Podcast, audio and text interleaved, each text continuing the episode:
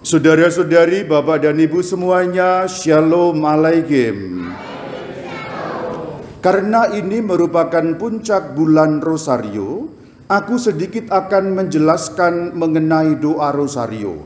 Beberapa hal yang terkait dengan doa Rosario dan semoga dapat menjadi masukan yang sangat berharga, terutama kalau kamu semua nanti berdoa Rosario secara pribadi maupun di dalam kelompok di mana saja.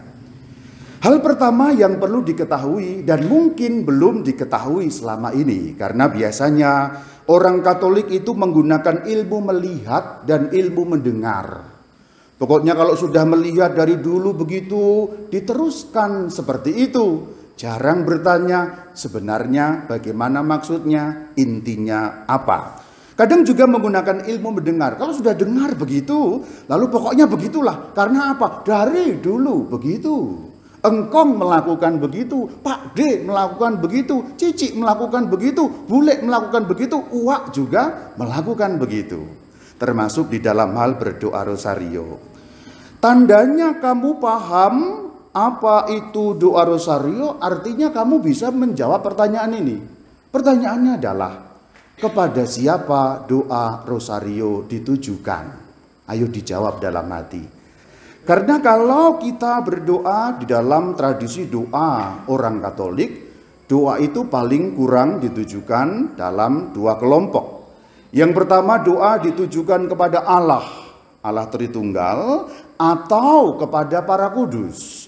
Kalau yang pertama tadi didoakan kepada Allah, kalau doa ditujukan kepada Allah, Artinya bisa ditujukan kepada Bapa atau ditujukan kepada Sang Putra yaitu junjungan kita Yesus Kristus atau bisa ditujukan kepada Roh Kudus. Itu doa kepada Allah. Karena orang Katolik meyakini Allah yang esa adalah Allah Tritunggal. Itu muncul dalam doa-doa liturgi, misalnya kamu mendengar doa di dalam misa. Misalnya doa kolekta. Ini kolekta loh ya, bukan kolekte. Kolekta doa paling awal setelah kemuliaan. Kalau misa minggu atau setelah Tuhan kasihanilah kami kalau misa harian. Marilah kita berdoa. Umumnya kalimat pertama akan dimulai dengan Allah Bapa yang Maha Kuasa atau yang Maha Pengasih, Bapa yang ada di surga dan seterusnya. Jadi tujuan kepada Bapa. Contoh yang lain ketika doa sesudah komuni bisa kepada Bapa, kadang juga doa ditujukan kepada Sang Kristus. Umpamanya marilah kita berdoa setelah komuni itu. Lalu diucapkan Tuhan Yesus Kristus dan seterusnya dan seterusnya. Itulah doa yang ditujukan kepada Allah, bisa Sang Bapa, Sang Putra atau Sang Roh Kudus. Yang kedua, dalam tradisi doa Katolik juga bisa ditujukan kepada para kudus. Para kudus ini dua golongannya yaitu golongan manusia dan golongan malaikat. Karena para kudus tidak hanya manusia tapi juga malaikat itu para kudus. Misalnya Santo Mikael yang sering berdoa denganku seusai misa kalau bertugas di Turki selalu pasti tahu doa Santo Mikael. Santo Mikael malaikat agung belalah kami pada hari pertempuran dan seterusnya. Doa kepada para kudus malaikat atau bisa kepada para kudus yang manusia. Umpamanya kita berdoa kepada Bunda Maria, salam Maria, penuh rahmat kita berkata-kata kepada Bunda Maria atau kepada Santo Yosef atau kepada Santo Santa manusia yang lain. Umpamanya aku seorang yang mendapat perlindungan dari Santo Yohanes Penginjil, maka aku sering berdoa, Santo Yohanes Penginjil doakanlah aku. Nah itu contohnya doa yang kepada para kudus. Jadi pertanyaannya masih ada loh ya, jangan lupa doa rosario ditujukan kepada siapa.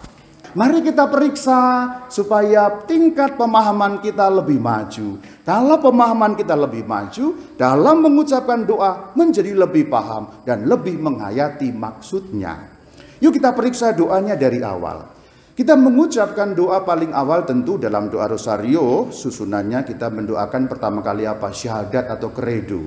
Ini dengan maksud bahwa doa ini doa Katolik karena kredo yang diucapkan adalah syahadat orang Katolik, syahadat gereja Katolik. Aku percaya akan Allah dan seterusnya. Menunjukkan ini doanya Katolik, doa yang diajarkan di dalam gereja Katolik. Apa rosario itu menggunakan kredo pendek, jadi tidak kredo yang panjang. Kalau kredo panjang kita kemudian Aku percaya akan gereja yang satu, kudus, katolik, dan apostolik. Jadi itu yang ditunjukkan dengan kredo bagian atas, bagian awal, ini doa katolik. Setelah kredo kita masuk pada doa apa? Bapa kami, ya. Artinya dalam susunan doa rosario yang pertama disebut adalah Bapa. Artinya doa ini ditujukan kepada Allah Bapa. Karena setelah kita mengucapkan syahadat alias kredo, kemudian mengucapkan doa Bapa kami. Artinya yang disebut siapa? Yang pertama disebut Allah Bapa. Bapa kami yang ada di surga. Artinya doa rosario ditujukan kepada Allah Bapa. Jawabanmu betul? Jawab dalam hati saja. Kalau yang betul, wah puji Tuhan, nilaiku 8 berarti. Kalau yang salah ya enam setengah nggak apa-apa lah ya. Tapi pokoknya dalam hati masing-masing. Doa rosario ditujukan kepada Allah Bapa, ditunjukkan doa pertama setelah kredo, Bapa kami yang ada dan seterusnya. Pokoknya doanya arahnya kepada Allah Bapa. Namun kalau kita melanjutkan, setelah itu kan ada tiga salam Maria yang menunjukkan itu Tritunggal sebenarnya.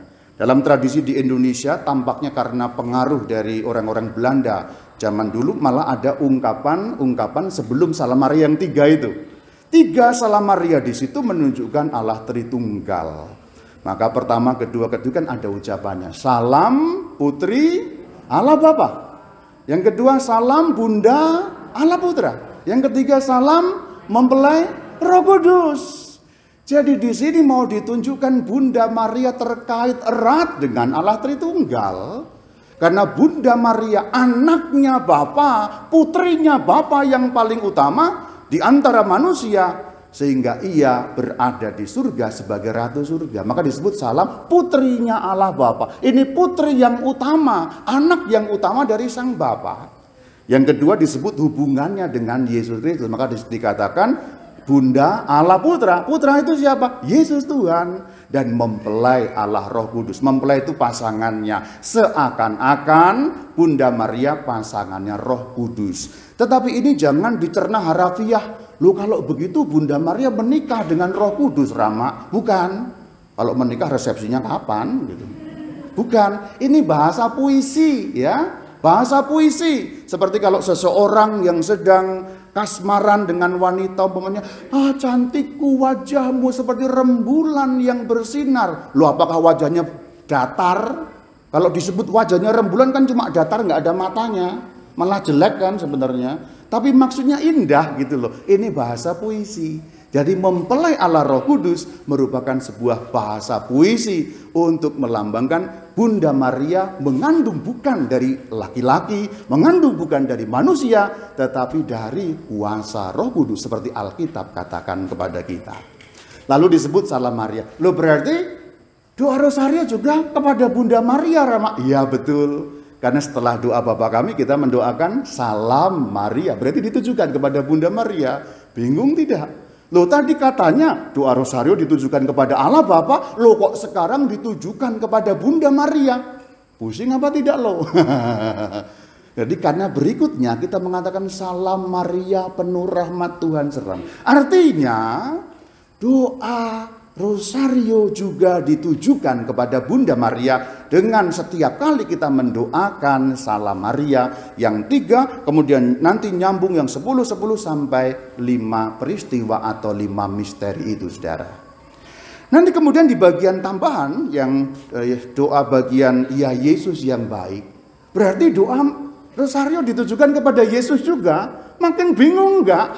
Ya Yesus yang baik itu berarti kepada Yesus. Dalam arti kita doa rosario itu ditujukan kepada siapa? Kok Bapak juga, Bunda Maria juga, Yesus juga, apa di sana di atas gak rebutan? Bagaimana cara memahaminya? Begini saudara-saudari, doa rosario ditujukan kepada Allah Bapa, selalu begitu. Namun setiap doa di dalam iman Katolik selalu perantaraannya Yesus Kristus. Karena doa kita tidak bisa menjangkau Bapa kalau tidak lewat Yesus. Dan semua doa, tidak hanya rosario, doa syukur agung, doa jalan salib, semua doa yang kita ucapkan tidak pernah bisa memanjat langit untuk mencapai Allah kalau tidak dibawa oleh Yesus Kristus. Maka di situlah peran Yesus Kristus dalam doa. Maka disebut ya Yesus yang baik.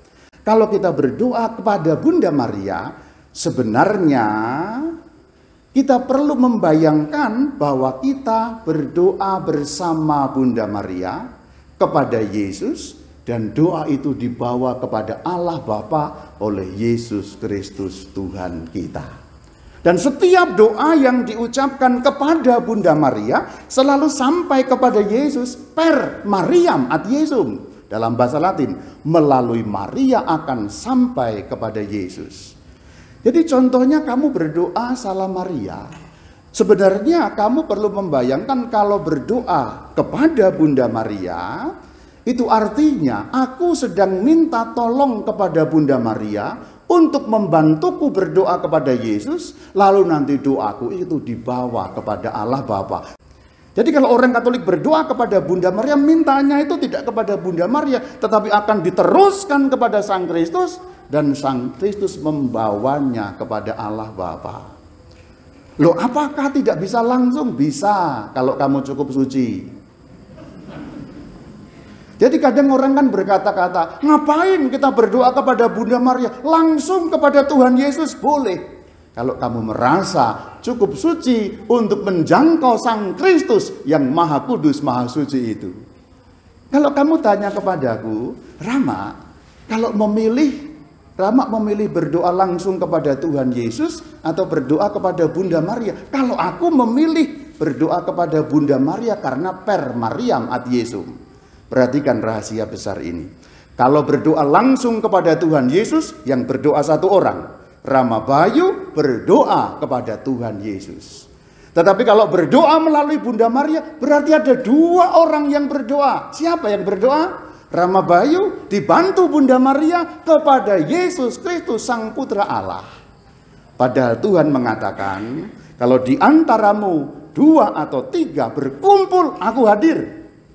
Jadi sekalipun aku berdoa sendiri kalau sedang berdoa rosario, sebenarnya aku berdua dengan Bunda Maria menghadap Allah.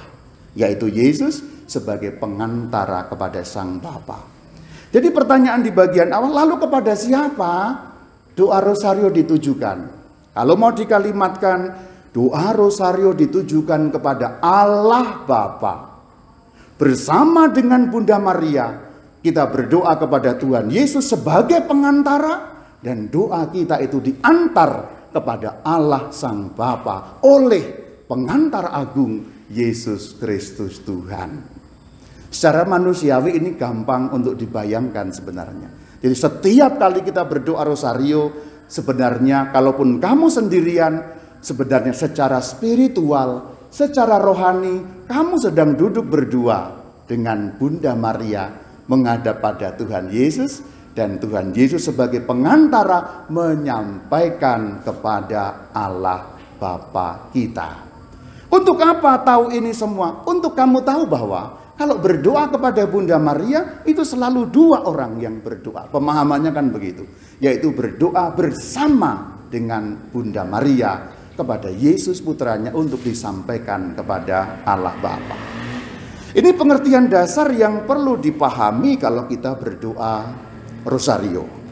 Hal yang kedua, ini mumpung puncak bulan rosario, kalaupun nanti homilinya sampai dua jam, biarinlah sajalah. Kalaupun begitu, ya sambil ngantuk-ngantuk tidak masalah. Kalau kamu pulang kerja sekarang ngantuk, tidak ada masalah saudara. Ngantuklah, tertidurlah, bahkan ngoroklah saudara. Karena aku yakin suaraku menembus sampai ke dalam jantung hatimu. Haleluya saudara. Jadi ngantuk gak masalah, ngantuklah, tidurlah, tidak dilarang. Karena aku tahu hari ini kamu sudah bekerja keras, lu oh, silakan. Pokoknya aku mau mengajar di puncak bulan Rosario ini. Yang kedua, mari mendalami karakter doa rosario. Apa itu karakter doa rosario? Sifat dasarnya itu yang dimaksud. Karakter doa rosario, sifat dasarnya sesungguhnya adalah doa kontemplatif. Apa itu maksudnya doa kontemplatif? Doa yang merenungkan sesuatu. Doa yang membuat batin kita dipenuhi dengan renungan mengenai sesuatu. Jadi sesungguhnya doa rosario pada dasarnya karakternya bukan doa permohonan. Bukan doa permohonan. Meski, meskipun kemudian di tengah umat banyak digunakan sebagai doa permohonan. Apakah salah Rama? Tidak, tidak salah. Kalaupun selama ini kamu menggunakan doa rosario sebagai doa sakti katanya Butuh uang, doa rosario. Oh, nanti dapat uang. Banyak utang, doa rosario, utangnya terbayar. KPR belum lunas, doa rosario, bisa lunas gitu. Ya boleh-boleh saja. Tidak ada yang salah dengan itu saudara. Tetapi aku mau mengingatkan kembali karakter dasarnya. Sifat dasar dari doa rosario adalah doa kontemplatif merenungkan sesuatu. Itulah kenapa selalu ada yang namanya misteri-misteri atau terjemahan dalam bahasa Indonesia peristiwa-peristiwa, peristiwa mulia, kemudian peristiwa gembira, kemudian peristiwa sedih, dan belum terlalu lama ditambahkan yang keempat peristiwa cahaya. Dulunya hanya tiga peristiwa karena untuk menggambarkan Mazmur yang 150. Jadi pada zaman kuno hanya ada tiga peristiwa. Satu peristiwa kan 50 rosario ya. 5 kali 3 150. Jadi sebenarnya itu menggambarkan 150 Mazmur yang ada di dalam Alkitab. Karena apa? Pada zaman kuno, para biarawan, kemudian para presbiter, romo, uskup, dan seterusnya itu berdoa namanya doa ofisi, doa brevir, gampangnya solatnya orang Katolik. Itu menggunakan doa-doa Mazmur. Tapi orang biasa pada zaman kuno sulit membaca kitab Mazmur, tidak punya Alkitab dan sebagainya maka umat biasa mendoakan salam Maria 150 dengan tiga peristiwa tiga kali lima itu awalnya. Tapi itu kita tinggal, kita kembali kepada bagaimana karakter dasar doa rosario kontemplasi. Jadi merenungkan. Makanya ada peristiwa, peristiwa gembira begini, peristiwa sedih begini dan seterusnya untuk membantu kita merenungkan peristiwa-peristiwa di dalam kitab suci. Maka Doa rosario sering juga disebut ringkasan Injil. Maka kalau mungkin orang bilang orang Katolik nggak pernah baca Injil, nggak pernah baca Injil. Siapa bilang? Kalau orang Katolik berdoa benar sesuai dengan karakternya, yaitu karakter doa rosario, dia dengar Injil setiap kali berdoa. Karena misalnya peristiwa mulia pertama, ayo apa peristiwa mulia Pak? Yang pertama apa? Yesus wafat kan ya? ya ya ya katanya Yesus bangkit ya. Peristiwa mulia kedua apa? Yo. Yesus apa Pak? Ibu-ibu yang ngapal biasanya ya. Yesus ke surga, naik ke surga. Tiga, Roh Kudus turun. Empat, Bunda Maria diangkat ke surga. Lima, Bunda Maria mendapat corona di surga. Loh itu betul bahasa Latinnya memang begitu ya. Corona itu artinya mahkota, coronatio itu namanya. Jangan ketawa. Kalau sekarang kan kalau corona itu penyakit gitu ya. Kalau aslinya Latin itu corona artinya mahkota. Jadi Bunda Maria mendapat mahkota di surga. Jadi kalau kita menyebutkan Bunda Maria mendapat corona, sekarang uh, kena penyakit itu enggak. Mahkota maksudnya bahasa Latin corona itu artinya mahkota. Nah, kembali ke karakter itu. Jadi ketika kita mendoakan salam Maria karakternya renungan. Peristiwa-peristiwa Injil itu disebut untuk direnungkan setiap orang yang berdoa rosario. Maka karena karakter yang renungan ini, ini praktis sekarang, ini sekarang praktis, maka doa rosario mesti bersifat kontemplatif, yaitu suasana yang menciptakan renungan itu. Suasana yang menciptakan bagaimana kontemplasi kita merenungkan peristiwa-peristiwa itu dengan benar. Maka cara mendoakan doa rosario sebenarnya kalau sesuai dengan karakternya adalah santai, perlahan-lahan. Bahasa gampangnya, kalau kamu sedang berdoa rosario, makin ngantuk, makin benar. Jadi kamu berdoa rosario makin ngantuk dan makin bosen, itu makin kamu benar berdoa rosario. Kalau dalam hati ada rasa terburu-buru seperti anjing habis berlari, pasti makin salah. tidak sesuai dengan karakter berdoa rosario. Maka ini latihan ya. Aku melihat memang di sini tidak hanya di sini kalau di sini sudah agak mending tapi umumnya orang Katolik berdoa rosario seperti orang mengajak berantem gitu loh. Selama dia gitu. Kayak mau berantem. Cepat-cepat gitu loh. Seperti anjing habis berlari. Saya ngikutin berdoanya sampai mengkis-mengkis itu. Gitu. Dan ini bisa dilatih. Aku mengajak bahwa umat subur, subang penabur ini dapat mulai suatu habitus kebiasaan yang baru mengembalikan doa rosario kepada fitrahnya, kepada hakikat karakternya sebagai doa kontemplasi. Cirinya apa? makin kamu ngantuk makin bener dah. Jadi kalau nanti pas terakhir doa rosario ternyata semua ngorok bener doanya. Itu bener gitu. Kalau makin bersemangat makin kurang bener sebenarnya. Doa rosario tidak pernah bersemangat. Kalau doa bersemangat itu bukan rosario jelas karena kontemplasi cirinya. Bisa, pasti bisa. Kenapa? Rama Bayu yakin bisa. Sebelum aku datang aku dengar ketika orang Subang ini bernyanyi anak domba Allah. Itu seperti lomba lari. Sama kayak tadi anjing mau lari tadi itu. anak domba Allah. Tapi sekarang aku bisa mengatakan kalau ada orang nyanyi anak domba Allah tanpa melihat orangnya, aku tahu ini umat Subang atau bukan. Karena kalau umat Subang nyanyi anak domba Allah itu enak gitu. Anak domba Allah. Bagian terakhirnya kan berilah kami damai enak gitu loh. Kalau peziarah yang datang, pasti bukan orang Subang kan? Enggak begitu nyanyi. Anak domba Allah yang menghapus dosa dunia, berilah kami damai. Damai gundulmu itu. Damai kok kayak gitu, nah gitu loh. Kira-kira begitu. Bisa, saya yakin bisa. Karena kita sudah satu tahun dan mengembalikan karakter anak domba Allah kepada nyanyian aslinya bisa. Jadi kalau saya misa dengan peziarah itu anak domba Allahnya tuh kenceng banget ngebut gitu, ngegas gitu. Wah cukup banter-banter ternyata gitu ya. Mau di stop umatnya orang lain kan gitu. Mau diajari bukan umat sini kan nggak enak, saya bukan gembalanya kan gitu ya. Tapi kalau umat Subang kan enak diajak gitu ya anak domba Allah sudah satu tahun kembali kepada fitrahnya kan? Enak. Berilah kami damai. Eh damainya tuh damai beneran gitu loh. Nggak nggak kita nggak ngancam Tuhan. Juga pas doa awal yaitu apa namanya kirie atau Tuhan kasihlah kami. Sama kan sebelumnya? Tuhan kasihanilah kami. Tuhan kasihanilah kami. Tuhan di atas tuh bilang kamu itu minta dikasihani apa nantang saya katanya tapi sudah satu tahun kembali gitu, enak gitu. Nah itu. Artinya, ayo umat Subang kita perlahan-lahan bersama dengan yang fisik para pembangun ini sudah luar biasa. Semua ini sudah mulai dibangun, nanti semua dibaguskan. Kita juga mulai dari apa yang rohani. Sehingga apa yang jasmani disempurnakan dengan apa yang rohani betul-betul akan menjadi buah-buah yang baik bagi umat kita.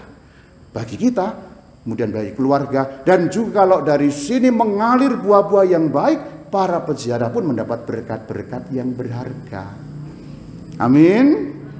Jangan oman amin aja loh ya, laksanakan gitu ya.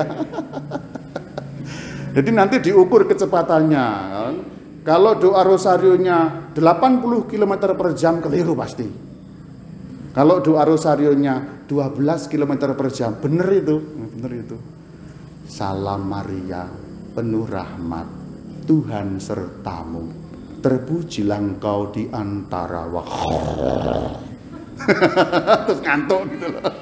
Tapi itu malah benar karena karakter kontemplasinya adalah seperti itu. Sebenarnya masih banyak yang akan kuungkapkan mengenai doa rosario. Tetapi ini sudah 25 menit.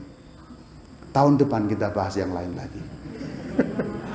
Tapi paling kurang karakter doa rosario kamu tahu dan ayo bersama-sama dibangun kembali karakternya sesuai dengan sifat dasar salam Maria sehingga nanti orang seluruh keuskupan atau orang-orang dari Jakarta yang berziarah, mereka akan bisa berkata, doa rosario paling anggun ada di Subang. Doa rosario paling menyentuh ada di Subang. Doa rosario yang paling enak didengarkan dan diikuti adalah doa rosario umat Subang. Doa rosario kita kembali pada hakikat dan karakternya. Semoga kita bangun bersama juga apa yang rohani itu dan di penghujung bulan rosario ini semoga masukan ini menjadi bagian dari diri kita. Shalom alaikum.